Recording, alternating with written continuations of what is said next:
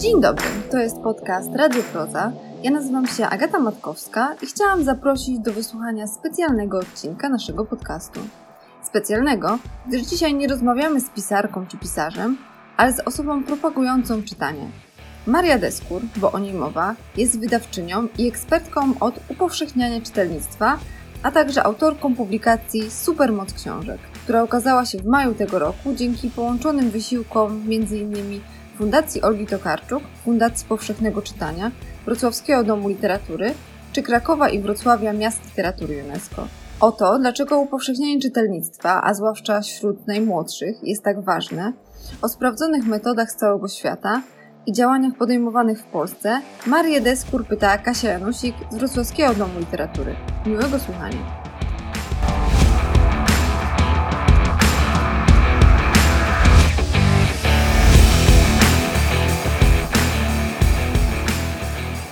Dobry wieczór Państwu.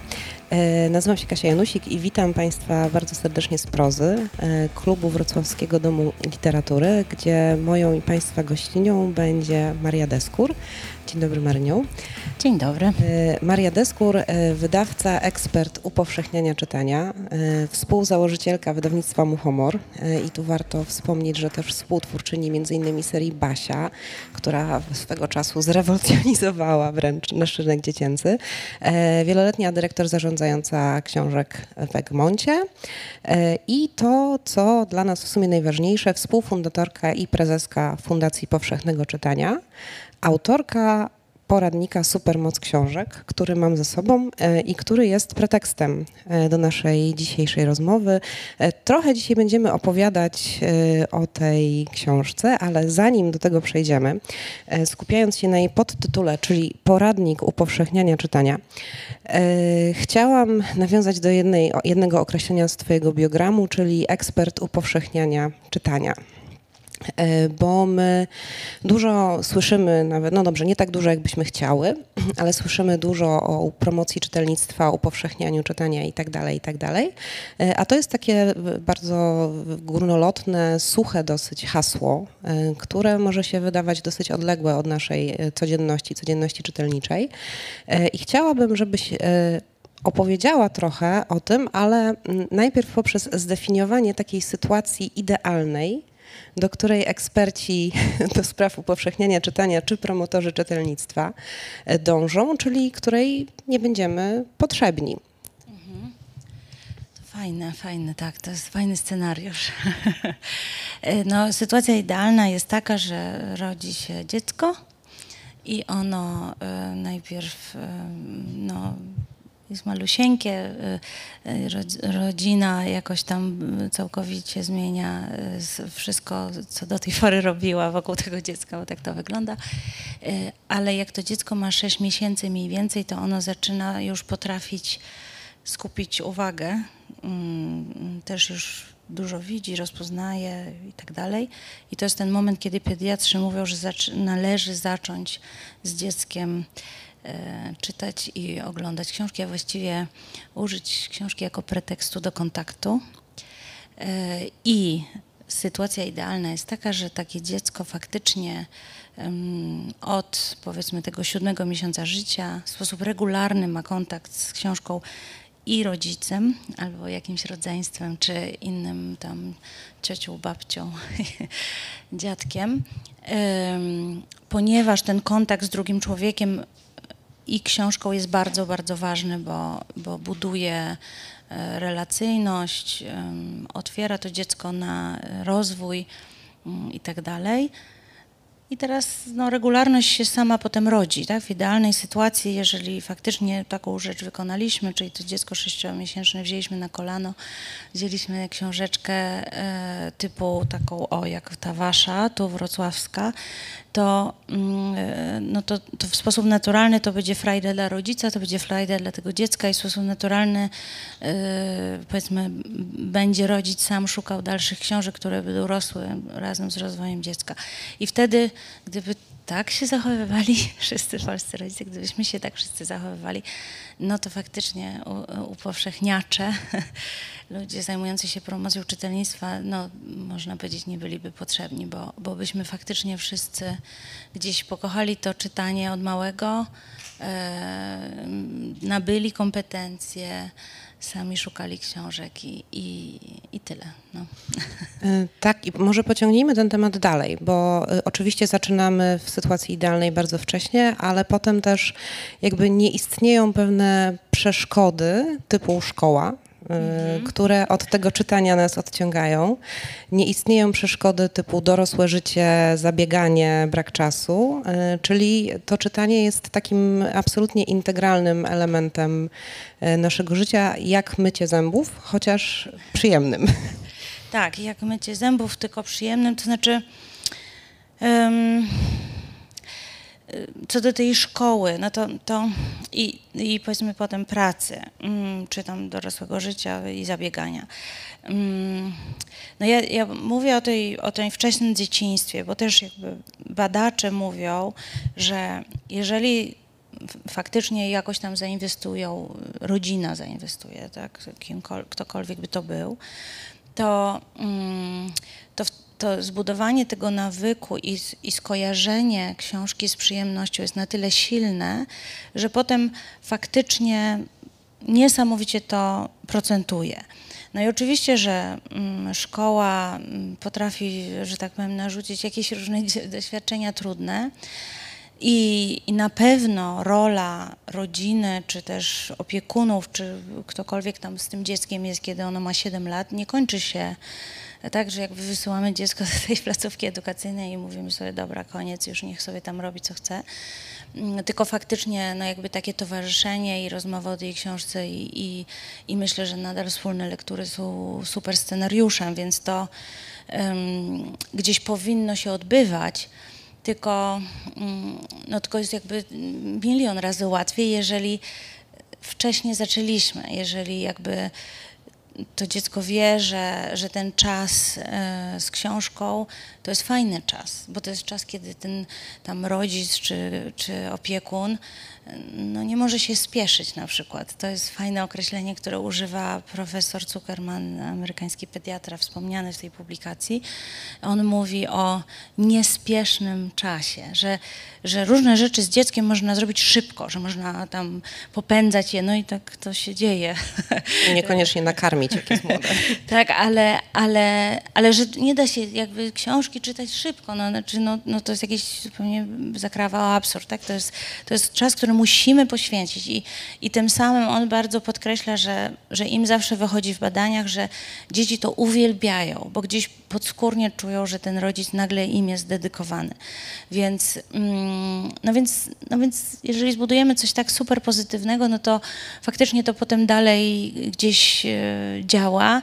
Oczywiście, że mm, na koniec, e, potem w zabieganym życiu dorosłym, no, uruchamiają się też takie mm, mechanizmy bardziej świadome, prawda? Czyli, że tak jak, no nie wiem, co myjemy te zęby codziennie i, i e, uprawiamy sport codziennie, no to, czy tam codziennie, czy nie codziennie, ale staramy się ruszać przynajmniej, no to, no to też taka świadomość, że to czytanie ćwiczy nasz mózg i że, że pomaga nam generalnie e, rozumieć e, różne skomplikowane rzeczy, no jest dobra i, i, i ona powinna nas napędzać do tego, żebyśmy nie zarzucali czytania w życiu dorosłym całkiem, tak, żebyśmy gdzieś znajdywali czas na to, żeby sobie coś podczytać. E, Niekoniecznie musi to być te tam 53 książki rocznie, jak teraz są takie challenge i, i ja podziwiam ludzi, którzy tyle są w stanie przeczytać. Ja nie czytam 53 książek e, rocznie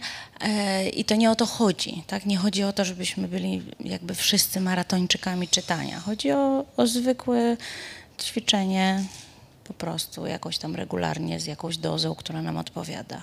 Ja wręcz po studiach uczyłam się i po pracy w wydawnictwie przez lata uczyłam się czytać znowu wolno, bo to jest, mam wrażenie, zupełnie inna lektura. Tak. E, Lepiej chyba ćwicząca i zapadająca w pamięć. No dobrze, nie jesteśmy w sytuacji idealnej. E, Potrzebni są eksperci i ekspertki od upowszechniania czytelnictwa i, i, i, i więc może jak ty rozumiesz promocję czytelnictwa i, czy, i promocję czytania, tak? Bo y, bardzo naciskałaś też przy tej publikacji, żeby to nie była promocja czytelnictwa, tylko promocja czytania. E, Tak, ja, ja w ogóle lubię to określenie upowszechnianie czytania, bo, mm, bo jakby w tym, w tym tej kwintesencji, o której jakby ja myślę, jest esencją jest spowodowanie, żeby więcej ludzi w Polsce czytało. Tak, czyli jak dzisiaj tam 42% e, dorosłych Polaków w ciągu ostatniego roku tam przeczytało, czy mm, całą lub część książki, no to żeby było ich więcej. I teraz mm, dlatego używam słowa upowszechnianie, bo, bo mówimy o czymś, co powinno być powszechne. Y, oraz także dlatego, że to nie jest jakiś produkt mm, mniej lub bardziej ekskluzywny, y, eks, tak, ekskluzywne, dobre słowo, y, czy elitarny, który mm, chcemy wypromować, żeby był troszkę bardziej szerszy. To jest totalnie, powszechnie dostępny, e, dzięki bibliotekom publicznym darmowa rzecz, która jest, no, powiedzmy, zdobyczą cywilizacyjną. Nie, nie od zawsze książki istniały w, w, w cywilizacji e, i która jest szalenie ważna dla naszego rozwoju, ale jest powszechnie dostępna. Dlatego ja mówię o upowszechnianiu czegoś, co, co jakby no jest dla nas wszystkich, wszyscy mamy do tego dostęp i powinniśmy chcieć z tego korzystać.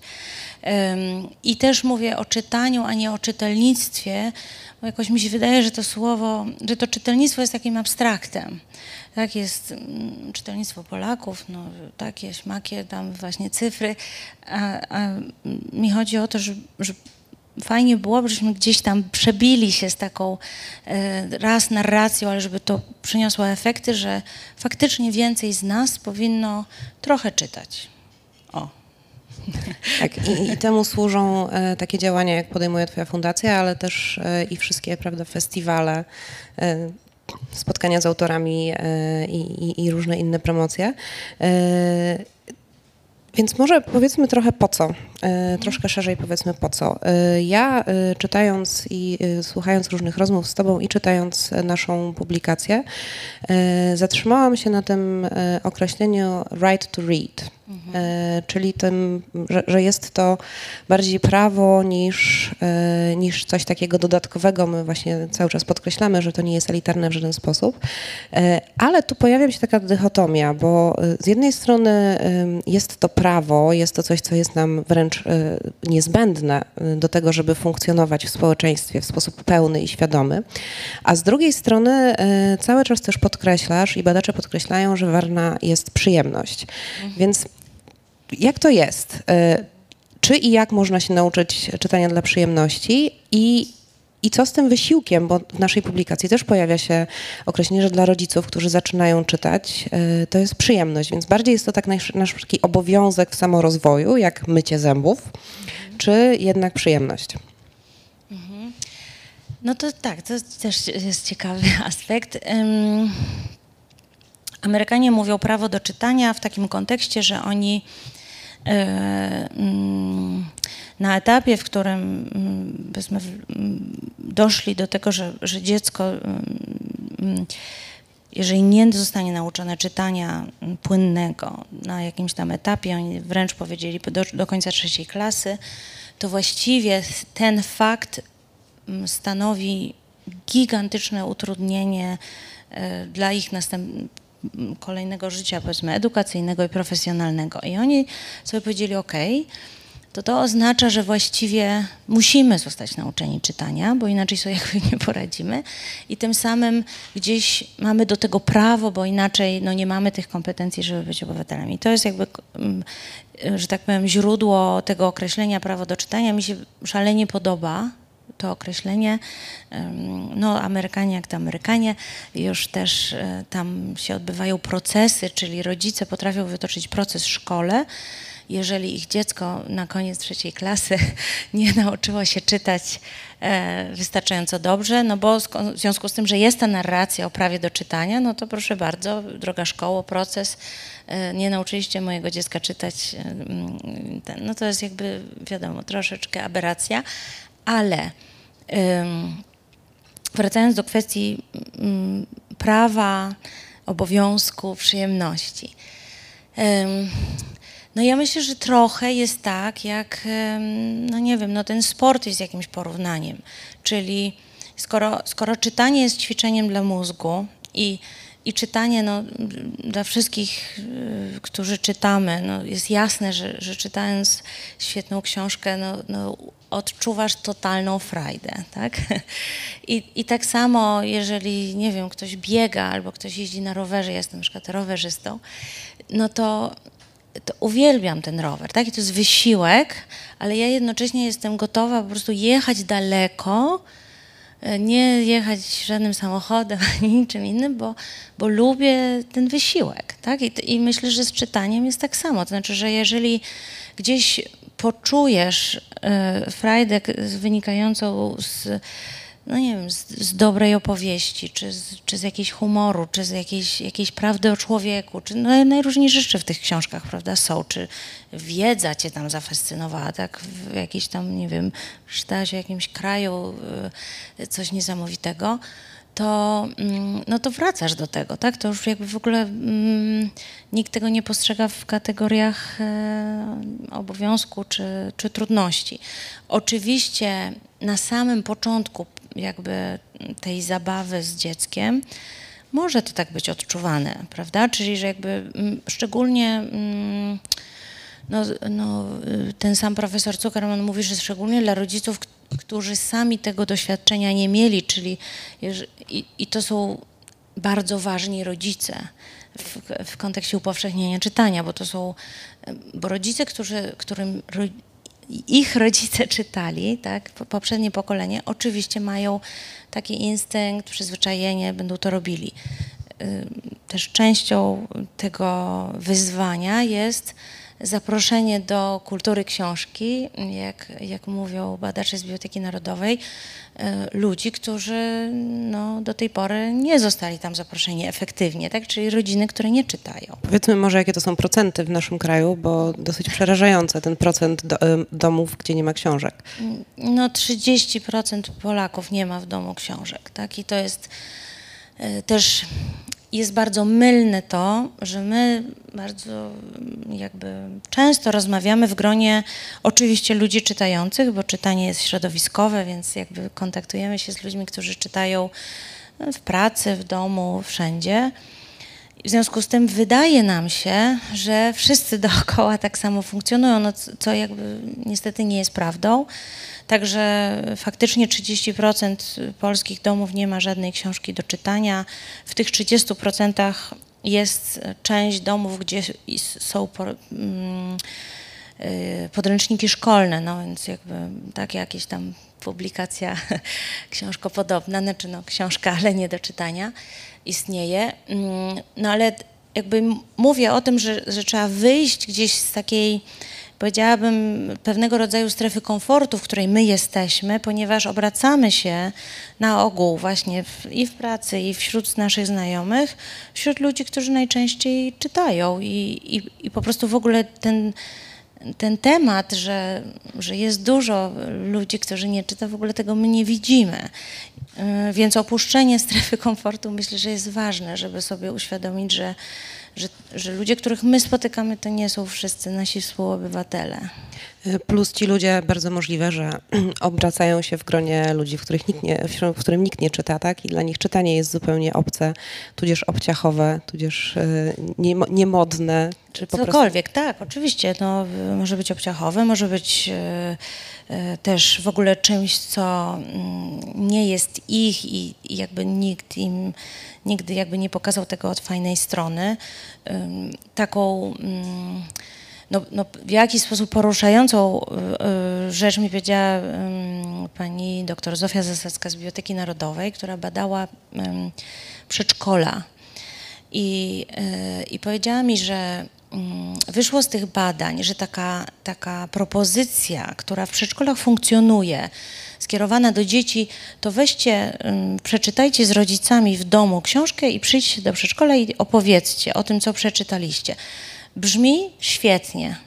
I, I pani Zasadzka powiedziała, że ona jakby zawsze, znaczy jakby słyszała o takich działaniach i uważa, że to jest świetne. A potem wyszło z ankiet e, w badaniach, że te rodziny, w których nie ma książek w domu, dzieci, które nie mają w domu żadnej książki, totalnie się czują wykluczone. I, I natychmiast się u nich uruchamia e, taka autodefinicja, wzmocniona jeszcze przez tą propozycję, którą oni jakby postrzegają jako wykluczającą, mm, to jest nie dla mnie. I one zaczynają przychodzić do przedszkola na przykład z zabawkami, opowiada- opowiadają o zabawkach i mówią, no ja nie mam książek i to w ogóle nie jest coś, co mnie interesuje. Więc, e, więc to jest jakby właściwie jak zaczynamy gdzieś wchodzić głębiej w jakieś działania i, i no nie wiem, metodologie i jakieś mamy różne pomysły, to też trzeba gdzieś właśnie wyjść poza to, jak nam się wydaje, że funkcjonuje jakby każdy dom. Mm, I, i to jest niełatwe. Bo, no bo tak, no bo e, naprawdę gdzieś nie jesteśmy do tego przyzwyczajeni. No, gdzieś się poruszamy w jakimś spektrum, które znamy, a, a tu trzeba gdzieś zupełnie inaczej do tego podejść. Mi się też wydaje, je- jeżeli dobrze Cię rozumiem, że y, te kompleksy, to wykluczenie, y, to, to znowu możemy nawiązać do sportu. To znaczy nie każdy musi być od razu maratończykiem albo kupić sobie rower Absolutnie. górski i jeździć y, Tak. po górach, tudzież czytać tysiącstronicowe powieści i ambitną poezję, bo można sobie po prostu jeździć rowerem po okolicy Tak. i czytać Ja na przykład. I czytać, e, i czytać tych książek mniej e, i niekoniecznie się prześcigać. E, Oczywiście może te takie wyzwania rzucane 53 książki w roku mają jakiś sens promocyjny. Natomiast byłoby ważne, żeby podkreślać, że nie każdy musi czytać tak samo, jak rozumiem, i tyle samo. Absolutnie. I, i też mm, myślę, że też jest istotne, jakby, żeby, żeby mówić o tym, że mm, absolutnie nie chodzi o to, żebyśmy byli wszyscy humanistami albo literatami, albo e, nie wiem, no właśnie pisarzami, czy, czy nawet nauczycielami, czy bibliotekarzami. Nie o to chodzi. Chodzi o to, żeby nasze umysły dobrze działały, żebyśmy byli innowacyjni, żebyśmy rozumieli lepiej innych ludzi, żebyśmy byli bardziej otwarci na e, powiedzmy cudzy sposób myślenia, otwarci na dialog, na sformułowania, które ktoś e, sam sformułował w swoim mózgu i za pomocą książki nam zaproponował. No bo jakby wzięcie do ręki książki przecież jest otwarciem się na czyjś tekst. I są badania, które pokazują, że czytanie książek pomaga w zawodach inżynierskich, e, w bankowości, w przedsiębiorczości, więc, więc e, to jest też istotne, tak? Czyli żeby nie mówić sobie, że musimy tam czytać nie wiadomo ile, jak ktoś lubi, to super, ale to jest oczywiście, tak jak powiedziałaś, jakiś tam e, zabawa i absolutnie nie musi być dla wszystkich. Myślę, że taka wersja typu czytamy też na przykład, nie wiem co, 6 książek ksi- rocznie czy 10 książek rocznie, to jest super. To jest po prostu mm, jakby już idealna sytuacja, no a niestety dzisiaj w Polsce 5% dorosłej populacji tyle czyta, tak? Więc to jest naprawdę w jakiś sposób na własne życzenie y, gdzieś no, no rezygnujemy z tego, żeby, żeby mieć tą pogłębioną analizę rzeczywistości, jeżeli nie czytamy. I, i mnie przestrasza, tak? Znaczy jakby y, wiele z nas przeczytało teraz książkę Leszczyńskiego o y, mm, prawda, ludową historię Polski i, i o tak, y, elitach, które mają więcej, tak w największym skrócie i, i mogą więcej i, i, i tak dalej. I, I teraz ja realnie uważam, że odkąd wyszły badania pokazujące, że, że czytanie ma wpływ na to, że y, mm, możemy osiągnąć więcej, no jest jakimś absolutnym obowiązkiem no, wszystkich ludzi, którzy sobie z tego zdają sprawę, żeby próbować poszerzyć ten krąg ludzi, którzy czytają, bo po prostu ym, nie jest fajne, żeby, żeby te elity były takie wąskie. Byłoby na pewno ym, społecznie dużo lepiej, gdyby elity były jakby szerszym kręgiem, prawda? E, Jest to też niewątpliwie metoda najtańsza. Tak, no właśnie. E, To może powiedzmy e, dwa słowa o tym, o tych kilku takich najbardziej spektakularnych efektach czytania. Ty mówiłaś na konferencji prasowej poświęconej naszej publikacji o dwóch. O tym, że czytanie czyni nas równymi, o tym trochę powiedziałyśmy, i że czyni nas obywatelami. E, Ja muszę przyznać, że dla mnie jednak jednym z takich najbardziej bardzo praktycznych i niezwykle ważnych aspektów jest e, to, o czym, jest, o tym piszesz e, w Supermocy Książek, czyli o tym też, że pozwala nam rozeznać się w natłoku e, informacji i uniknąć bycia manipulowanymi. No, y, uniknąć to jest oczywiście takie bardzo już No nie duże, tak łatwo dać. tak, bardzo duże, już daleko idące sformułowanie, ale tak. No, no czytając ćwiczymy mózg, tak jak biegając ćwiczymy mięśnie, że pociągnę sportowo y, i utrzymujemy ym, naszą analizę krytyczną, nasze kompetencje do y, ym, widzenia ym, przyczynowo-skutkowych związków, do rozróżniania też poziomów językowych, do no, bycia empatycznym, też zrozumienia pewnych intencji. To wszystko jest no, niesamowicie ważne w, w dzisiejszym świecie, kiedy y, no, dostajemy w- po prostu zalew y, i informacji z najróżniejszych stron i warto gdzieś umieć chociaż podjąć próbę, prawda, ich analizy i, i, i porównania ich z jakimiś innymi źródłami ym, i tak dalej. Y, Kiedy dostajemy wszędzie bardzo skomplikowane umowy do podpisu, no i mm, dopóki są to jakieś mało znaczące regulaminy, no to okej, ale, ale są to też czasem bardzo ważne umowy i, i, myślę, że warto wiedzieć, co podpisujemy. Wszyscy podpisujemy najróżniejsze dokumenty. No i, i na to się oczywiście też nakładają najróżniejsze reklamowe komunikaty, komunikaty publiczne, polityczne, społeczne, najróżniejsze, prawda? I, i zrozumienie tego, czy ktoś no, trochę jakie ma intencje, trochę skąd pochodzi, trochę e, tak, gdzie jest źródło e, tej, te, tego komunikatu, który do nas przyszedł. Ja dosyć lubię to porównanie z, w Harry Potterze jest taki, taki fragment, kiedy e, jeden z dorosłych czarodziejów mówi do dziecka czarodzieja, nie używaj magii, jeżeli nie wiesz skąd pochodzi. I właściwie uważam, że to jest fajne porównanie też, bo my czytamy te wszystkie ym, media najróżniejsze i oczywiście do niektórych mediów mamy zaufanie, do niektórych nie mamy. Yy, Czytamy jakieś komunikaty, ym, tu nas ktoś re, ym, karmi reklamą, ale, ale jak sobie zadać to pytanie, czy my wiemy skąd to pochodzi i jak, jakie są źródła, jakie są podstawy badawcze, jaka jest za tym jakiś pomysł, yy, no jest fajnym pytaniem, żeby sobie zadać, a odpowiedź na nie wymaga kompetencji poznawczych czy, czy krytycznego myślenia. I, no i dlatego te, to czytanie jest takie ważne. To może przejdźmy teraz e, do tego, co się dzieje na świecie. E, Tro, trochę już porozmawiałyśmy o tym dlaczego, ale e, chciałam zacząć od, ty, od badań, na które powołujesz się w, wielokrotnie mówiąc o upowszechnianiu czytania, czyli badań PISA. Badania PISA to takie e, faktycznie e, ukochane badania, myślę nie tylko moje. E, to są badania zrobione w, chyba na najszerszej grupie w ogóle pośród wszystkich badań, jakie ja widziałam w bardzo, bardzo wielu krajach. Kilkaset tysięcy młodzieży zostało przebadanych, więc naprawdę gigantyczna próba.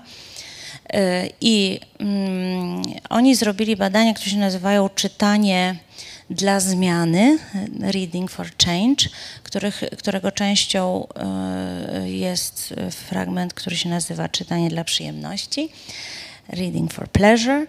I mm, jako pierwsi na świecie, myślę, udowodnili na takiej gigantycznej próbie, że jeżeli powiedzmy młody człowiek, tam badane byli, badani byli 15-latkowie, y, czyta dla przyjemności, co oznacza czerpie z tego przyjemność, ale też wraca do lektur, y, gdzieś ma to, że tak powiem, utożsamia się, ma, ma taką autodefinicję, że jestem czytelnikiem w ogóle, to ten fakt ma większe przełożenie na jego sukces edukacyjny i co za tym idzie potem życiowy, niż jego pochodzenie socjoekonomiczne.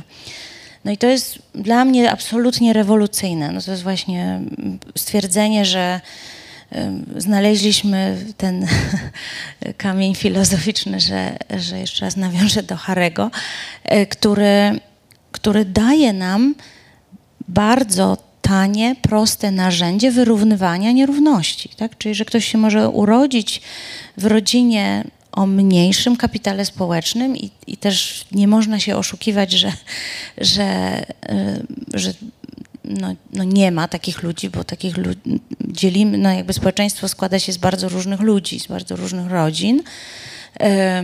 I uro, rodząc się w, w rodzinie właśnie powiedzmy bez książek, gdzie w poprzednim pokoleniu nikt nie czytał, jeżeli takie dziecko dostanie w jakiś sposób e, to doświadczenie i gdzieś zostanie, nazwijmy to, zarażone no, miłością do książek, jest takim frazesem, ale, ale frajdą pochodzącą z czytania i, i gdzieś polubieniem tego, to no to jakby nic nie stoi na przeszkodzie jego powiedzmy rozwojowi, karierze, życiu zawodowemu, yy, no cokolwiek. I, I dla mnie to jest absolutnie przełomowe. Uważam, tak jak powiedziałam, że od kiedy to zostało opublikowane, to, to naprawdę jest jakimś totalnym obowiązkiem starać się upowszechniać czytanie, szczególnie w rodzinach nieczytających, ponieważ to sprawia, że naprawdę stajemy się równi.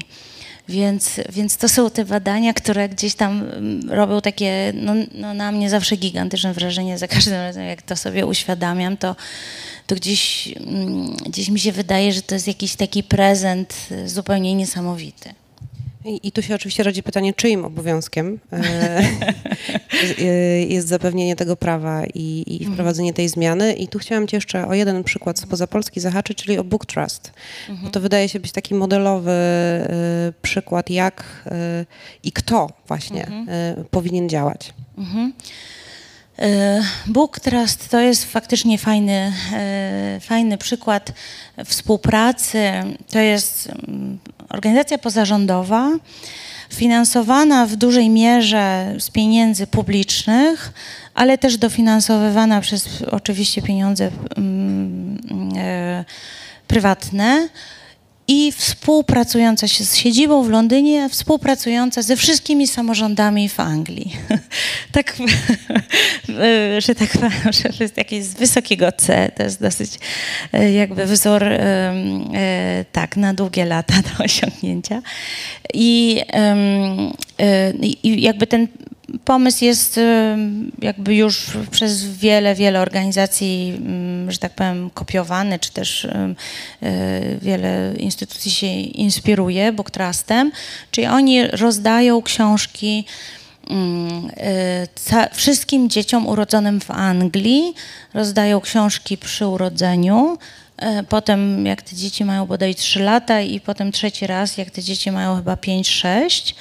I to jest już na tyle rozwinięte w tej chwili, że organizacja istnieje od y, chyba 25 lat, więc troszkę mieli czasu. E, W tej chwili oni dają już przy, mm, w tym pierwszym roku życia nawet nie jedną, a trzy książki. Do tego jest taki mini poradniczek. Ale powiedzmy, to co jest. mm, e, dla mnie też jakoś szalenie imponujące i, i mm, robi na mnie wrażenie, to jest fakt, że oni oczywiście jak to Anglicy bardzo skrupulatnie się oceniają, autoewaluację przeprowadzają i przeprowadzają ewaluację skuteczności. I wyszło im w, w tych ewaluacjach, że mm, skuteczne jest działanie, jeżeli jest, e, skuteczne jest to rozdawnictwo, jeżeli jest, e, jeżeli temu towarzyszy bezpośredni kontakt kogoś, kto przyjdzie do domu takiej rodziny, gdzie się urodził noworodek, e, wręczy tę książkę osobiście i powie, dlaczego to czytanie jest takie ważne. I, I oni mają, znaczy wyszła, tak duża różnica im wyszła, że wprowadzili w pewnym momencie zakaz po prostu wysyłania tych książek, tylko wszystkie tam bodaj 6 milionów książek, które rozdają rocznie, są rozdawane przez e, oni to nazywają gifters, czyli dawaczy. I ci ludzie to są wolontariusze, pracownicy tych gmin, no, najróżniejsze spektrum ludzi które w całej Anglii faktycznie chodzi tak do, door to door, tak puka do drzwi i rozdaje książki mm, rodzinom. I też to, co jest też no, jakoś tam imponujące, to jest fakt, że oni mają bardzo dobrze zdefiniowane, kto jest ich grupą docelową. I oni mówią, byłam tam u nich e, na takiej rozmowie, powiedzmy, edukacyjnej dla mnie. I, e, i ta pa pani, z którą rozmawiałam, wręczyła mi taki mini przewodniczek, który oni załączają do tych książek.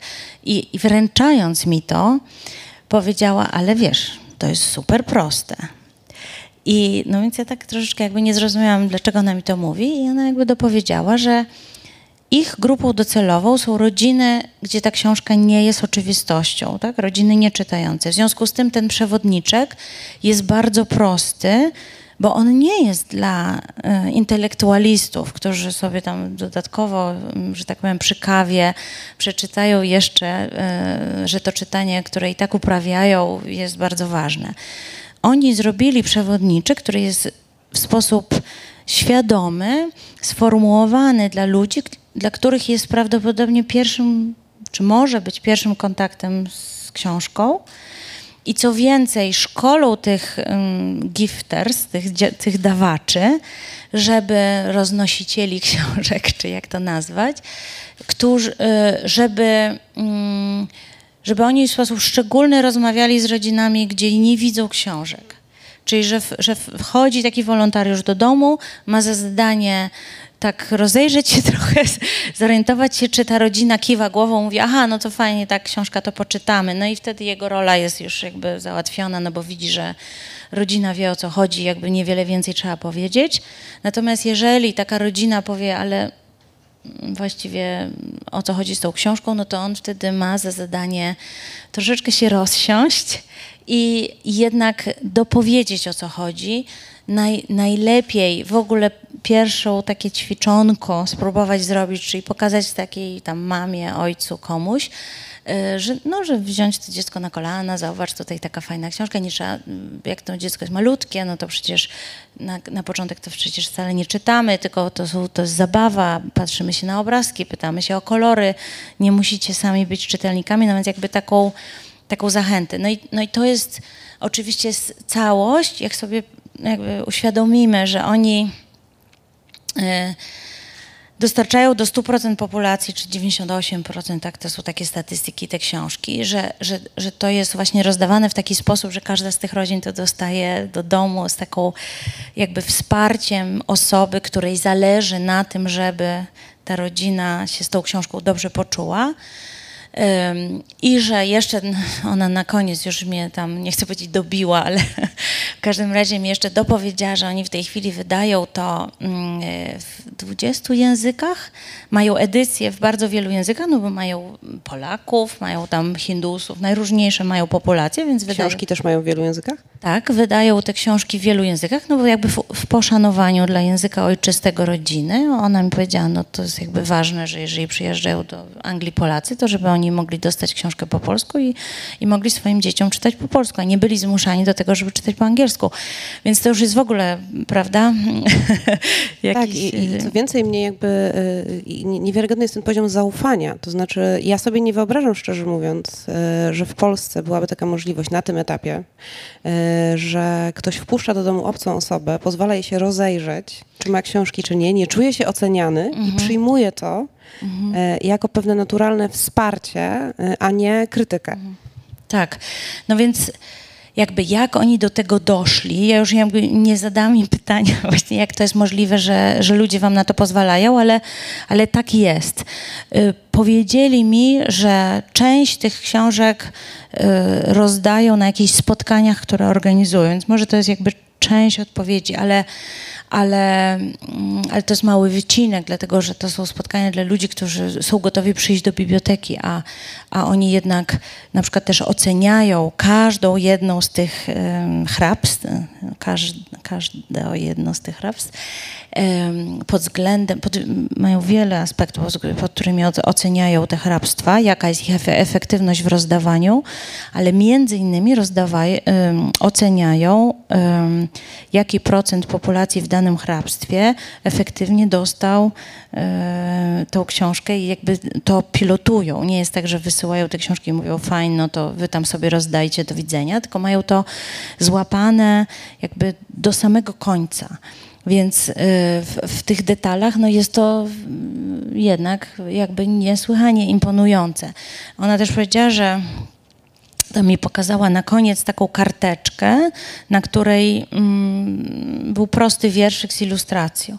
No i, i, jak już mi opowiedziała o tym właśnie, jak to działa i że tam ci wszyscy rozdający regularnie są szkoleni, mają swoje zjazdy, no w ogóle jakby niesłychana organizacja, to na koniec mi jeszcze powiedziała, no w takich skrajnych sytuacjach, w których jakby nasz mm, ten wolontariusz, czy mm, człowiek, który rozmawia z rodziną, widzi, że ta rodzina totalnie, tak, jakby, że, że, że ta książka jest dla nich jakimś kosmosem i w ogóle nic, także jakby nie łapią kontaktu, nic, widzą, że, że jakby są właśnie wypychani trochę z domu i, i nie, e, nie będzie żadnego efektu i ta książka zostanie odrzucona, to że jest taka karteczka, która jest jakby taką ostatnią deską ratunku, i oni mają za zadanie wtedy ją tam wyciągnąć z tego pakieciku i powiedzieć, a no to jakby tam z tą książką wam nie szło, to tutaj jest taki wierszyk, to możecie sobie go zawiesić na lodówkę i możecie sobie tak go tam rymować, bawić się. I, więc mają jeszcze wymyślone jakby takie wejście awaryjne, jakby mm, w sytuacji, w której tak książka gdzieś nie przechodzi. Więc, więc jest to niesłychanie dopracowane. No i na polskim gruncie, właśnie Wrocław, już tutaj pokazałam e, waszą książkę, rozdajecie książkę przy... Każdy nowonarodzony wrocławianin i wrocławianka dostaje ją e, w pakiecie takim startowym na życie w tym mieście. Tak, więc, więc e, jest jeszcze kilka innych miast, które to robi. Instytut Książki rozdaje książkę w szpitalu, prawda? Więc jest w Polsce już trochę mm, działań, które spowodowały, że sporo rodziców polskich dostaje książki. Myślę, że cudownie byłoby wspierać to komunikacją, żeby te książki gdzieś nie przepadały, żeby ci rodzice, dla których to jest jakiś tam abstrakcyjny przedmiot, y, dostali wsparcie mówiące, hej, masz tam w domu taką książkę, którą ci y, dał albo samorząd, albo, mm, albo Instytut Książki, y, weź i, i się pobaw z tym dzieckiem. No właśnie, bo tu kluczowe wydaje się to, co z nią potem zrobić. E, mhm. Nikt nie chodzi po domach i nikt w, w, w szpitalach nie uczy tak. jak czytać z dzieckiem. Mm. Te książki są często inne, zaskakujące. My mm. niekoniecznie możemy je pamiętać z tak wczesnego dzieciństwa. Albo słów w ogóle nie ma, albo... Mm. Albo są tutaj właśnie, mamy alfabetyczne, tu mamy tak. onomatopeję, mhm. Y, ale wydaje mi się, że ten drugi element właśnie jest y, niezwykle ważny. A co jeszcze dzieje się w Polsce? Bo y, na pewno nie jesteśmy w takiej sytuacji jak Wielka Brytania. To nie jest ogólnonarodowy program IT. Wszystkie samorządy nie uczestniczą y, w tym projekcie, y, ale coś już się dzieje, prawda? No jakby ta publikacja nasza nie jest, nie, nie, nie, nie zawisła zupełnie w próżni. Ona nie zbiera co prawda wielu polskich doświadczeń, ale pokazuje już przykłady. Ale fundacja właśnie którą ty założyłaś przecież, e, też taką akcję już wcześniej prowadziła. Książka na receptę, receptę na sukces. Tak.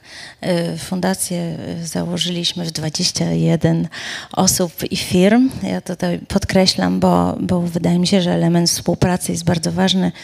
E, ja jestem kadencyjnym prezesem, czy właściwie prezeską fundacji i ona jest właśnie zbiorowo założona. Zrobiliśmy faktycznie akcję, która się nazywa e, Książka na receptę, recepta jedna sukces, jak powiedziałaś, i ona jest wzorowana z kolei na takim amerykańskim programie e, stworzonym przez pediatrów, w którym w gabinetach pediatrycznych dzieci no, dostają po pierwsze rekomendacje, rodzice są jakby popychani czy też zapraszani do tego, żeby czytać z dziećmi, a e, po drugie też dostają właśnie książki e, u pediatry. I my um, rozpoczęliśmy taki program, no pandemia troszeczkę nam szyki pokrzyżowała, także na ten moment nie, nie rozdajemy książek w, w gabinetach pediatrycznych, ale już, już teraz te wiatry są coraz lepsze i będziemy do tego wracać. Natomiast faktycznie um, powiedzmy polskie środowisko pediatryczne gdzieś tam żeśmy zaczęli wciągać w tą rozmowę. Natomiast no, na pewno liderką i taką pionierką e, upowszechniania czytania w Polsce jest Irena Koźmińska, która od 20 lat nawołuje do tego, żeby czytać 20 minut dziennie i e, zaprasza szkoły do tego, żeby czytać i przedszkola i różne środowiska, no, no oczywiście rodziny też. Mm, I to jest na pewno mm, jakiś tam olbrzymia rzecz, że od 20 lat się w Polsce o tym mówi. Jest też, e, myślę, na całkiem imponującą skalę rozkręcona akcja zaczytanych. E, to jest organizacja, która dostarcza książki do szpitali i w szpitalach organizuje czytanie dla dzieci, które no, są hospitalizowane, więc myślę, że to też jest e, super, mm, super wspaniała akcja. No i, i, i, i potem powiedzmy tych akcji jakichś różnych innych jest więcej. Instytut Książki już wspominaliśmy, ma książka Wielki Człowiek, to jest, to jest akcja, w której przy narodzeniu dzieci dostają w szpitalu, potem dzieci dostają bodajże trzyletnie w bibliotekach y, i chyba w tym roku pierwszy raz dzieci w pierwszej klasie też dostały książki, książkę e, dedykowaną dla nich, więc, więc no to już jest cały taki program. Także tych akcji w Polsce jest, myślę, że już całkiem trochę.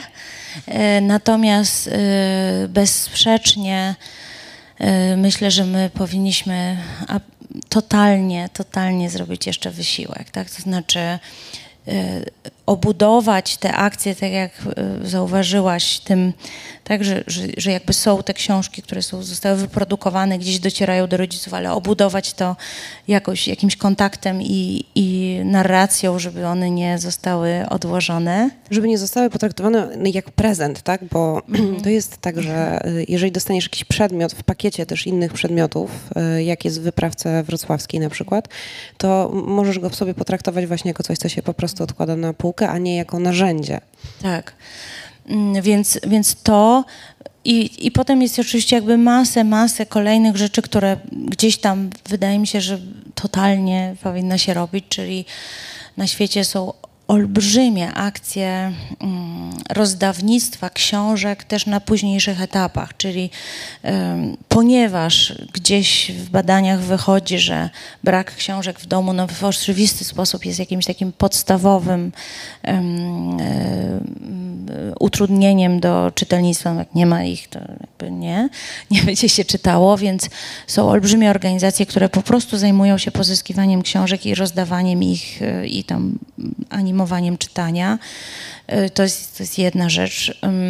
Jest e, wspaniały też taki pomysł używany w Stanach na towarzyszenie dzieciom z dysleksją, co też jest, myślę, super ważne, żeby, żeby systemowo dzieci, które gdzieś no, no, troszkę im w szkole idzie gorzej, miały jakieś towarzyszenie, które bardzo mocno je jakby pomaga. No i, i, tych rzeczy do zrobienia jest masa, masa, masa, więc, więc wydaje mi się, że mm, powiedzmy nakłady i finansowe, i czasowe, i zasoby, które w tej chwili y, my jako społeczeństwo, tak bym powiedziała, gdzieś y, wyasygnowaliśmy y, w, w porównaniu do tego, jaki jest znaczy ile asygnują inne kraje, a ile, jaki jest poziom czytelnictwa w Polsce, no to w mojej ocenie po prostu naprawdę to powinniśmy przemnożyć przez jakąś potężną cyfrę. E, I, I myślę, że mm, no tak jak ten Bóg teraz, tak, jest, jest niezależną organizacją finansowaną z różnych stron, współpracującą z samorządami, to, to, to jest jakiś taki wzorzec, że, że to nie chodzi o to, że jest jakaś jedna grupa, która musi to załatwić, że jest jakaś, nie wiem, niewidzialna ręka rynku, która weźmie i sprawę, że tak powiem, posprząta. My wszyscy mamy ręce, które, które możemy użyć do, do tych działań i, i myślę, że po prostu zaangażowanie każdego z nas się liczy i, i to jest jakby fundamentalne. Wierzę w to, że każdy z nas ma wpływ. Czy jesteśmy rodzicem, czy jesteśmy bibliotekarzem, ale czy też na przykład jesteśmy biznesmenem, bizneswomanką, panią biznesmen, e, e, czy, czy jesteśmy, wiesz, kimkolwiek, to, mm, to możemy po prostu się zaangażować. Myślę, że potrzebne są pieniądze i publiczne, i prywatne. Y, no bo to po prostu jest bardzo ważna rzecz, która gdzieś w Polsce na etapie, myślę, przekształceń, transformacji ustrojowych y, w latach 90. Y, nie została dociśnięta. Dyrektor Makowski, na, dyrektor Biblioteki Narodowej, powiedział na konferencji prasowej, e, że widzi pewną pozytywną zmianę i on ją powiązał z pandemią. E, mianowicie, że e, zaczynamy widzieć wnętrza, w których nadają teraz prawda, różni, różne autorytety, które są wypełnione książkami. Ja sama pamiętam lata 90., 2000, kiedy pojawiały się pierwsze polskie seriale, takie tasiemcowe. Nigdzie nie było książek. Absolutnie w żadnym wnętrzu nie było książek, chyba że był jakiś profesor. Mhm. E, I, I, w związku z tym chciałam Cię trochę zapytać o, o, autorytety, bo to jest jeszcze mhm. jeden, wydaje mi się, niezwykle ważny element. E, o te autorytety, które muszą być trochę inne dla nieczytających niż dla mhm. czytających. E, ja teraz tak zabawnie rozglądam się po ulicach i widzę te wielkie billboardy o szczepieniu i tak. 99% tych osób, które są na tych billboardach jest dla mnie obce. Więc domyślam się, że te osoby też muszą być jakiegoś takiego zupełnie innego świata. Tak, ja dokładnie miałam znaczy, no, bardzo podobną refleksję. Jechałam tutaj do, do Wrocławia i, i, ten, i te billboardy wszędzie, wszędzie po prostu gigantyczna jest ta kampania. I oczywiście świetnie, że jest taka gigantyczna kampania na rzecz szczepień. E, ale patrzyłam na to z zazdrością, bo sobie pomyślałam właśnie, że kurczę, jakby te wszystkie osoby mówiły o szczepieniu, na przykład jeszcze miały książkę.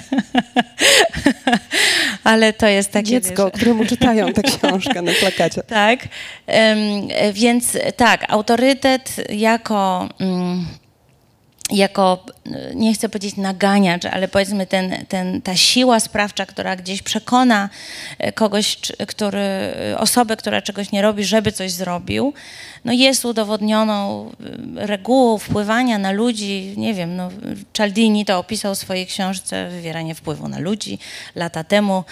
Bardzo interesująca publikacja. I, mm, i używanie autorytetu, który, tak jak słusznie powiedziałaś, dopasowany jest do tej grupy, którą chcemy do czegoś namówić, jest super ważne. No i tam na tych plakatach mamy dużo sportowców, jak sądzę. Znaczy niektórych... Tak, są, są, są, w strojach sportowych, więc zakładam, że są to sportowcy. Niektórzy, nie, ja niektórych rozpoznaję i, ja, i y, też widziałam Cezarego Pazurę, no to wiem, że to jest aktor. I więc, to więc... Jest, a ja go nie poznałam prawie, bo to nie są zdjęcia, to są takie malunki. Takie rysunki. Więc tak, wydaje mi się, że z jednej strony, jeżeli tylko mamy taką możliwość, żeby poprosić o wsparcie ludzi takiego kalibru, no jakby jakieś, jakieś wielkie osoby sukcesu y, z różnych dziedzin, no to jest super. I, i są na świecie takie akcje. Y, też możemy tam im zazdrościć. Amerykanom poprosili y, koszykarzy, całą ligę koszykarską i cała liga koszykarska, każdy z osobna, ci wielcy goście się tam dali sfotografować z, z książkami i nawet nie, że stoją na sztywno i jakąś książkę pokazują, tylko w różnych pozycjach czytają, jeden tam leży, drugi siedzi, trzeci nie wiem co, opiera się o piłkę i, i czyta. Więc to jest super. Natomiast e, e, jakby wracając do tego, że każdy z nas może coś zrobić i każdy z nas ma te ręce, które mogą coś zmienić, wydaje mi się, że jest też fajne, żeby szukać autorytetów koło nas, że to nie musi być e, Robert Lewandowski, który oczywiście cudownie chciał zarekomendować czytanie, ale mm, to może być ktoś z naszej społeczności lokalnej i może to być nauczyciela, może to być e, właśnie fryzjer. Jest amerykańska akcja, która, e, która poprosiła o wsparcie fryzjerów. E, Może to być e, ktokolwiek, tak? Jakiś tam właśnie człowiek zajmujący się biznesem w, danej społeczności i znany z tego, że ma jakąś genialną piekarnię albo cokolwiek. Naprawdę uważam, że też właśnie wyjście poza takie schematy myślenia, że to ma być humanista, który poleci książkę i my wszyscy tam będziemy kiwać głowami. Y, Trzeba jakby z tym, nie że skończyć, no bo świetnie, żeby humaniści polecali ciekawe książki, ale, ale wyjść dużo szerzej. I uważam, że jakby y, polecali też coś tam właśnie ci, nie wiem, biznesmeni, czy ktoś, kto jest jakimś prawnikiem, albo ktoś, kto, y, nie wiem, właśnie ma, y, tak jak powiedziałam, piekarnię, czy cokolwiek, to jest to jest super. Mm, Więc bym szukała w społecznościach lokalnych ludzi, którzy są autorytetami na miejscu. I ich tam ciągnęła za rękaw, żeby, nie wiem, dali się sfotografować z książką, opowiedzieli publicznie, co czytają, pokazali swoje książki w domu, cokolwiek, tak? Jakby gdzieś ten, tą narrację pociągnęli. Co nie zmienia faktu, że taki zwykły szary czytelnik, czytelniczka y, y, też może jakby trochę w swojej własnej społeczności zmienić, czy, y, czy poprzez organizację jakichś mikrospotkań autorskich, czy przez organizację klubów książki, czy w ogóle rozmowy, plakaty, pokazywania, tak? Du- Dużo jest takich miejsc niekoniecznie związanych z kulturą, w których w ten sposób można działać. Absolutnie. I też jest mm, jakby wiele przykładów tych mm, organizacji, które dzisiaj, powiedzmy, na świecie są widoczne jako olbrzymie organizacje. Większość z nich zaczyna się od jakiegoś bardzo osobistego przeżycia i, i, em, i obserwacji jakiejś pojedynczej osoby. Jest taka organizacja amerykańska, która się nazywa mm, Partnerzy Czytania, powiedzmy, Reading Partners, która wzięła się z tego, że tam jedna pani mm, w jakiejś miejscowości w Stanach, ona była pielęgniarką, ale potem się zajmowała, jakby najpierw była po prostu pielęgniarką w jakiejś przychodni, potem, się, potem już jakby przeszła do takiego stafu zajmujące, zajmującego się e, w ogóle powiedzmy opieką społeczną i jej nawet nie była nauczycielką, ale zobaczyła, że w szkołach, które są w tej okolicy, e, jest część dzieci, która mm, bardzo ma duże problemy. Najpierw ona mm, zajmowała się ludźmi, dziećmi z narkotykami, z problemem narkotykowym, a potem się zorientowała, że jakby duża część z nich w sumie też nie czyta. I, I po prostu od takiego jednego, ja bym powiedziała, mm, wrażliwego spojrzenia jednej osoby, y, wiesz, zaczyna się coś niesamowitego, bo ona wymyśliła, okej, no to dobra, no to mamy takie dzieci, to jak im pomożemy?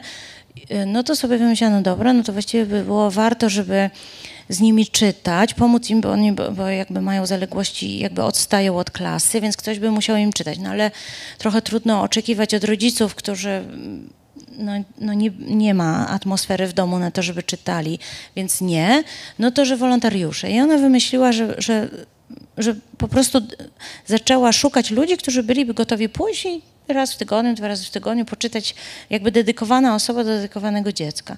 I to się rozrosło, w tej chwili funkcjonuje w bardzo wielu stanach, jest gigantyczną organizacją, która pomaga dzieciom, e, które z takiego czy innego powodu mają jakby trudności, są poniżej poziomu czytelniczego, które powinny osiągać. Mają po prostu, wiesz, dziesiątki tysięcy wolontariuszy w bardzo wielu miejscach w Stanach. No, no, to jest jakby niesamowita historia. I oczywiście to organizacja ma, nie wiem, co 25 lat, więc tego się nie buduje tak, ale, e, ale to się zaczyna od, od kogoś, komu się chciało. Jakby jednej osoby, która nie miała jakichś tam wielkich funduszy. Więc, więc w tym sensie no, gdzieś ja jakoś tam mocno czuję, że każdy z nas ma wpływ. I, I to myślę, że jest świetny moment, bo wydaje mi się, że poruszyliśmy większość tematów i kwestii, które e, porusza supermoc książek, e, tych ideowych e, i tych przykładowych, ale myślę, że to jest dobry moment, żeby na koniec trochę powiedzieć, po co myśmy tę książkę wydali, bo dla tych Państwa, którzy jeszcze nie wiedzą, to jest taki wspólny projekt bardzo wielu partnerów. My mówimy tutaj o dialogu. Jest autorka Maria Deskur, prezeska Fundacji Powszechnego Czytania, ale mamy oprócz tego w projekcie drugą fundację, naszą wrocławską fundację Olgi Tokarczuk. Mamy dwa miasta literatury UNESCO, e, Kraków i Wrocław, które działają mocno e, od dawna na rzecz upowszechniania czytania. E, I mamy Polską Izbę Książki, czyli takiego bardzo też mocnego partnera od strony wydawniczej. I pół roku w sumie pracowaliśmy nad tym, żeby, ponad pół roku, żeby ta mm, publikacja wyszła. Ona jest prosta, tak jak e, mówiłaś o tych książeczkach dawanych e, małym dzieci, e, rodzicom małych dzieci. I po co ona jest? No, chciałabym, żeby. Ja mogę to przeczytać. tak, mamy napisane we wstępie. No, no tak jak o tym rozmawia, rozmawiałyśmy, my jeszcze w, większym gronie, już na, na koniec ta pierwsze rozmowy na ten temat ponad rok temu miały miejsce. No, no chciałyśmy, żeby, żeby powstało coś, co będzie inspiracją, co będzie e, jakimś takim mm, no nie wiem, źródłem współpracy, dialogu, zachętą do tego, żeby no, wstać, e, e, wyjść z, tego, z tej strefy komfortu i, i coś zrobić. Więc to jest jakby coś, co gdzieś myślę wszystkie, mm, które tam same akurat kobiety pracowałyśmy nad tym, mocno czułyśmy, że, że ta współpraca i inspirowanie się wzajemne jest super ważne. No to ta druga rzecz, o którą nam chodziło, no to jest jakiś tam rodzaj narracji, prawda?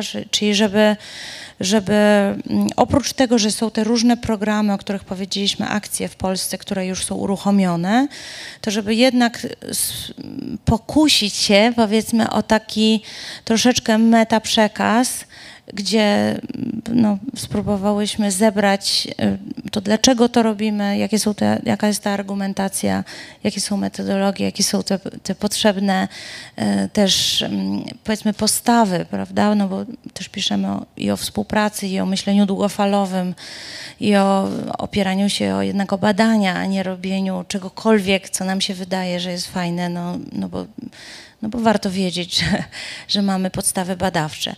Więc, mm, więc wydaje mi się, że to, to jest też jakby taki istotny aspekt, mm, żeby dać do ręki ludziom, którzy chcą coś zrobić, proste y, narzędzie, prościutki, tak, ta publikacja ma tam 30 stron i, i nie, nie jest to nawet lity tekst, tylko to są takie akapity, mm, więc jest naprawdę bardzo łatwa w odbiorze żeby powie, powiedzieć, ok, można coś zrobić, to jest proste. y, Tutaj jest jakby taki mini poradnik. Wst- Wstajemy i robimy. Tak, i on jest e, dzisiaj, e, tak w sumie dotknęłyśmy tego, że on jest tak naprawdę dla każdej osoby, która, e, która chciałaby coś zmienić w swojej lokalnej społeczności bądź na większą skalę w tym zakresie, albo zachęcić dzieci przede wszystkim do czytania. Ale naszym celem, mamy bardzo ambitne cele, wszystkie samorządy gdzieś tam na końcu, na końcu się pojawiają. Będziemy zresztą o tym rozmawiać jeszcze, myślę, w tym roku i w różnych gronach i zachęcać. Natomiast może jeszcze powiedzmy koniecznie, e, gdzie tę książkę można znaleźć, bo ona jest u nas na przykład. Jeżeli ktoś jest z Wrocławia i chce zacząć promować czytanie czy upowszechniać czytanie w swojej okolicy, to zapraszamy. Ale nie tylko. Tak, można ją pobrać w, w, jako e-book, PDF albo w innych formatach i na stronie fundacji, e, czyli fpc.org.pl, e, ale też na Legimi, na Woblinku, na Publio e, jako e-book. E, I można ją e, w Wrocławskim Domu Literatury dostać, przyjść i sobie wziąć. E, mm, W Krakowie, w KBF-ie myślę, że też jeszcze tam mają egzemplarze, ale można się też zgłosić do mm, Polskiej Izby Książki, która rozsyła bardzo miło po całej Polsce tą publikację w, no, w taką wydrukowaną w wersji papierowej, więc do tego też zachęcamy.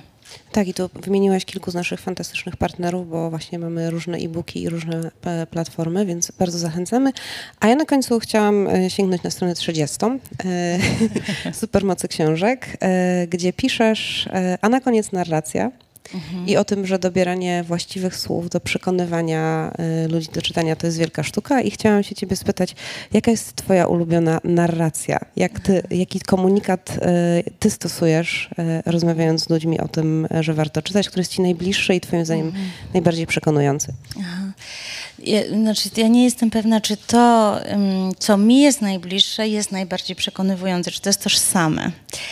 Y, mi y, jest najbliższa narracja ym, y, równościowa.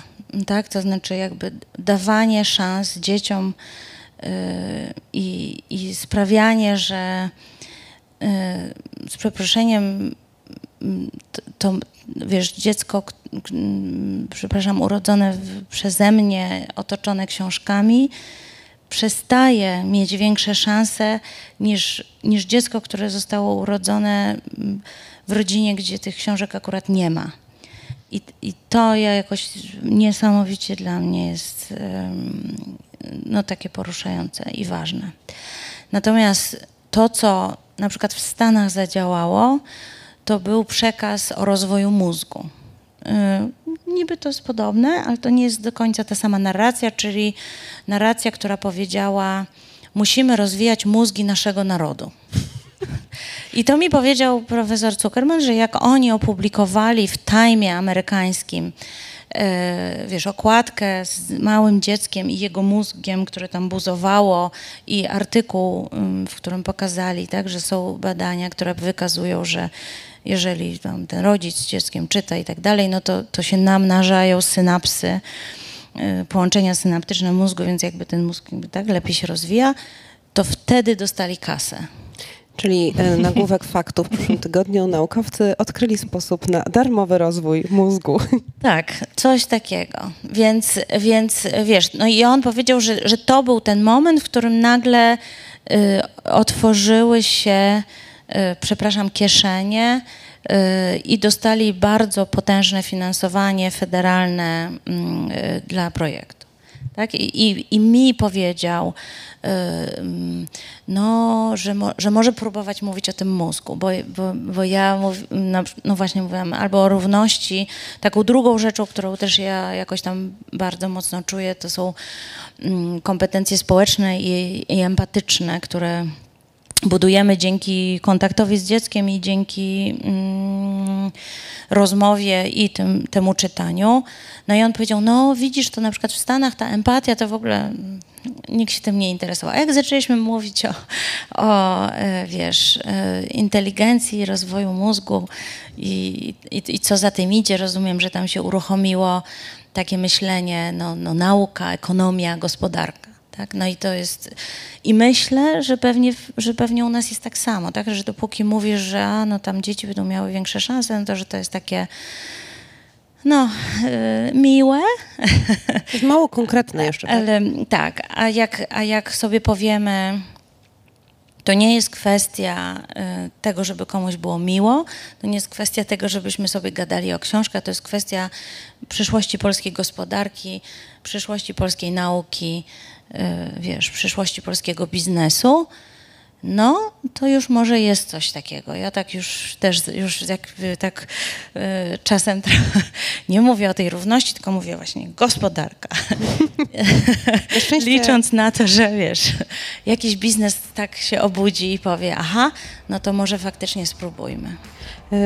W Supermocy Książek jest e, wiele tych powodów i Mhm. tych przykładów i tych zachęt, więc e, ta pierwsza część książki jest mi e, poświęcona, więc Tak. zachęcamy. A ja Tobie bardzo, bardzo dziękuję za rozmowę. Wzajemnie. Bardzo Mm, dziękuję. Dziękujemy Państwu.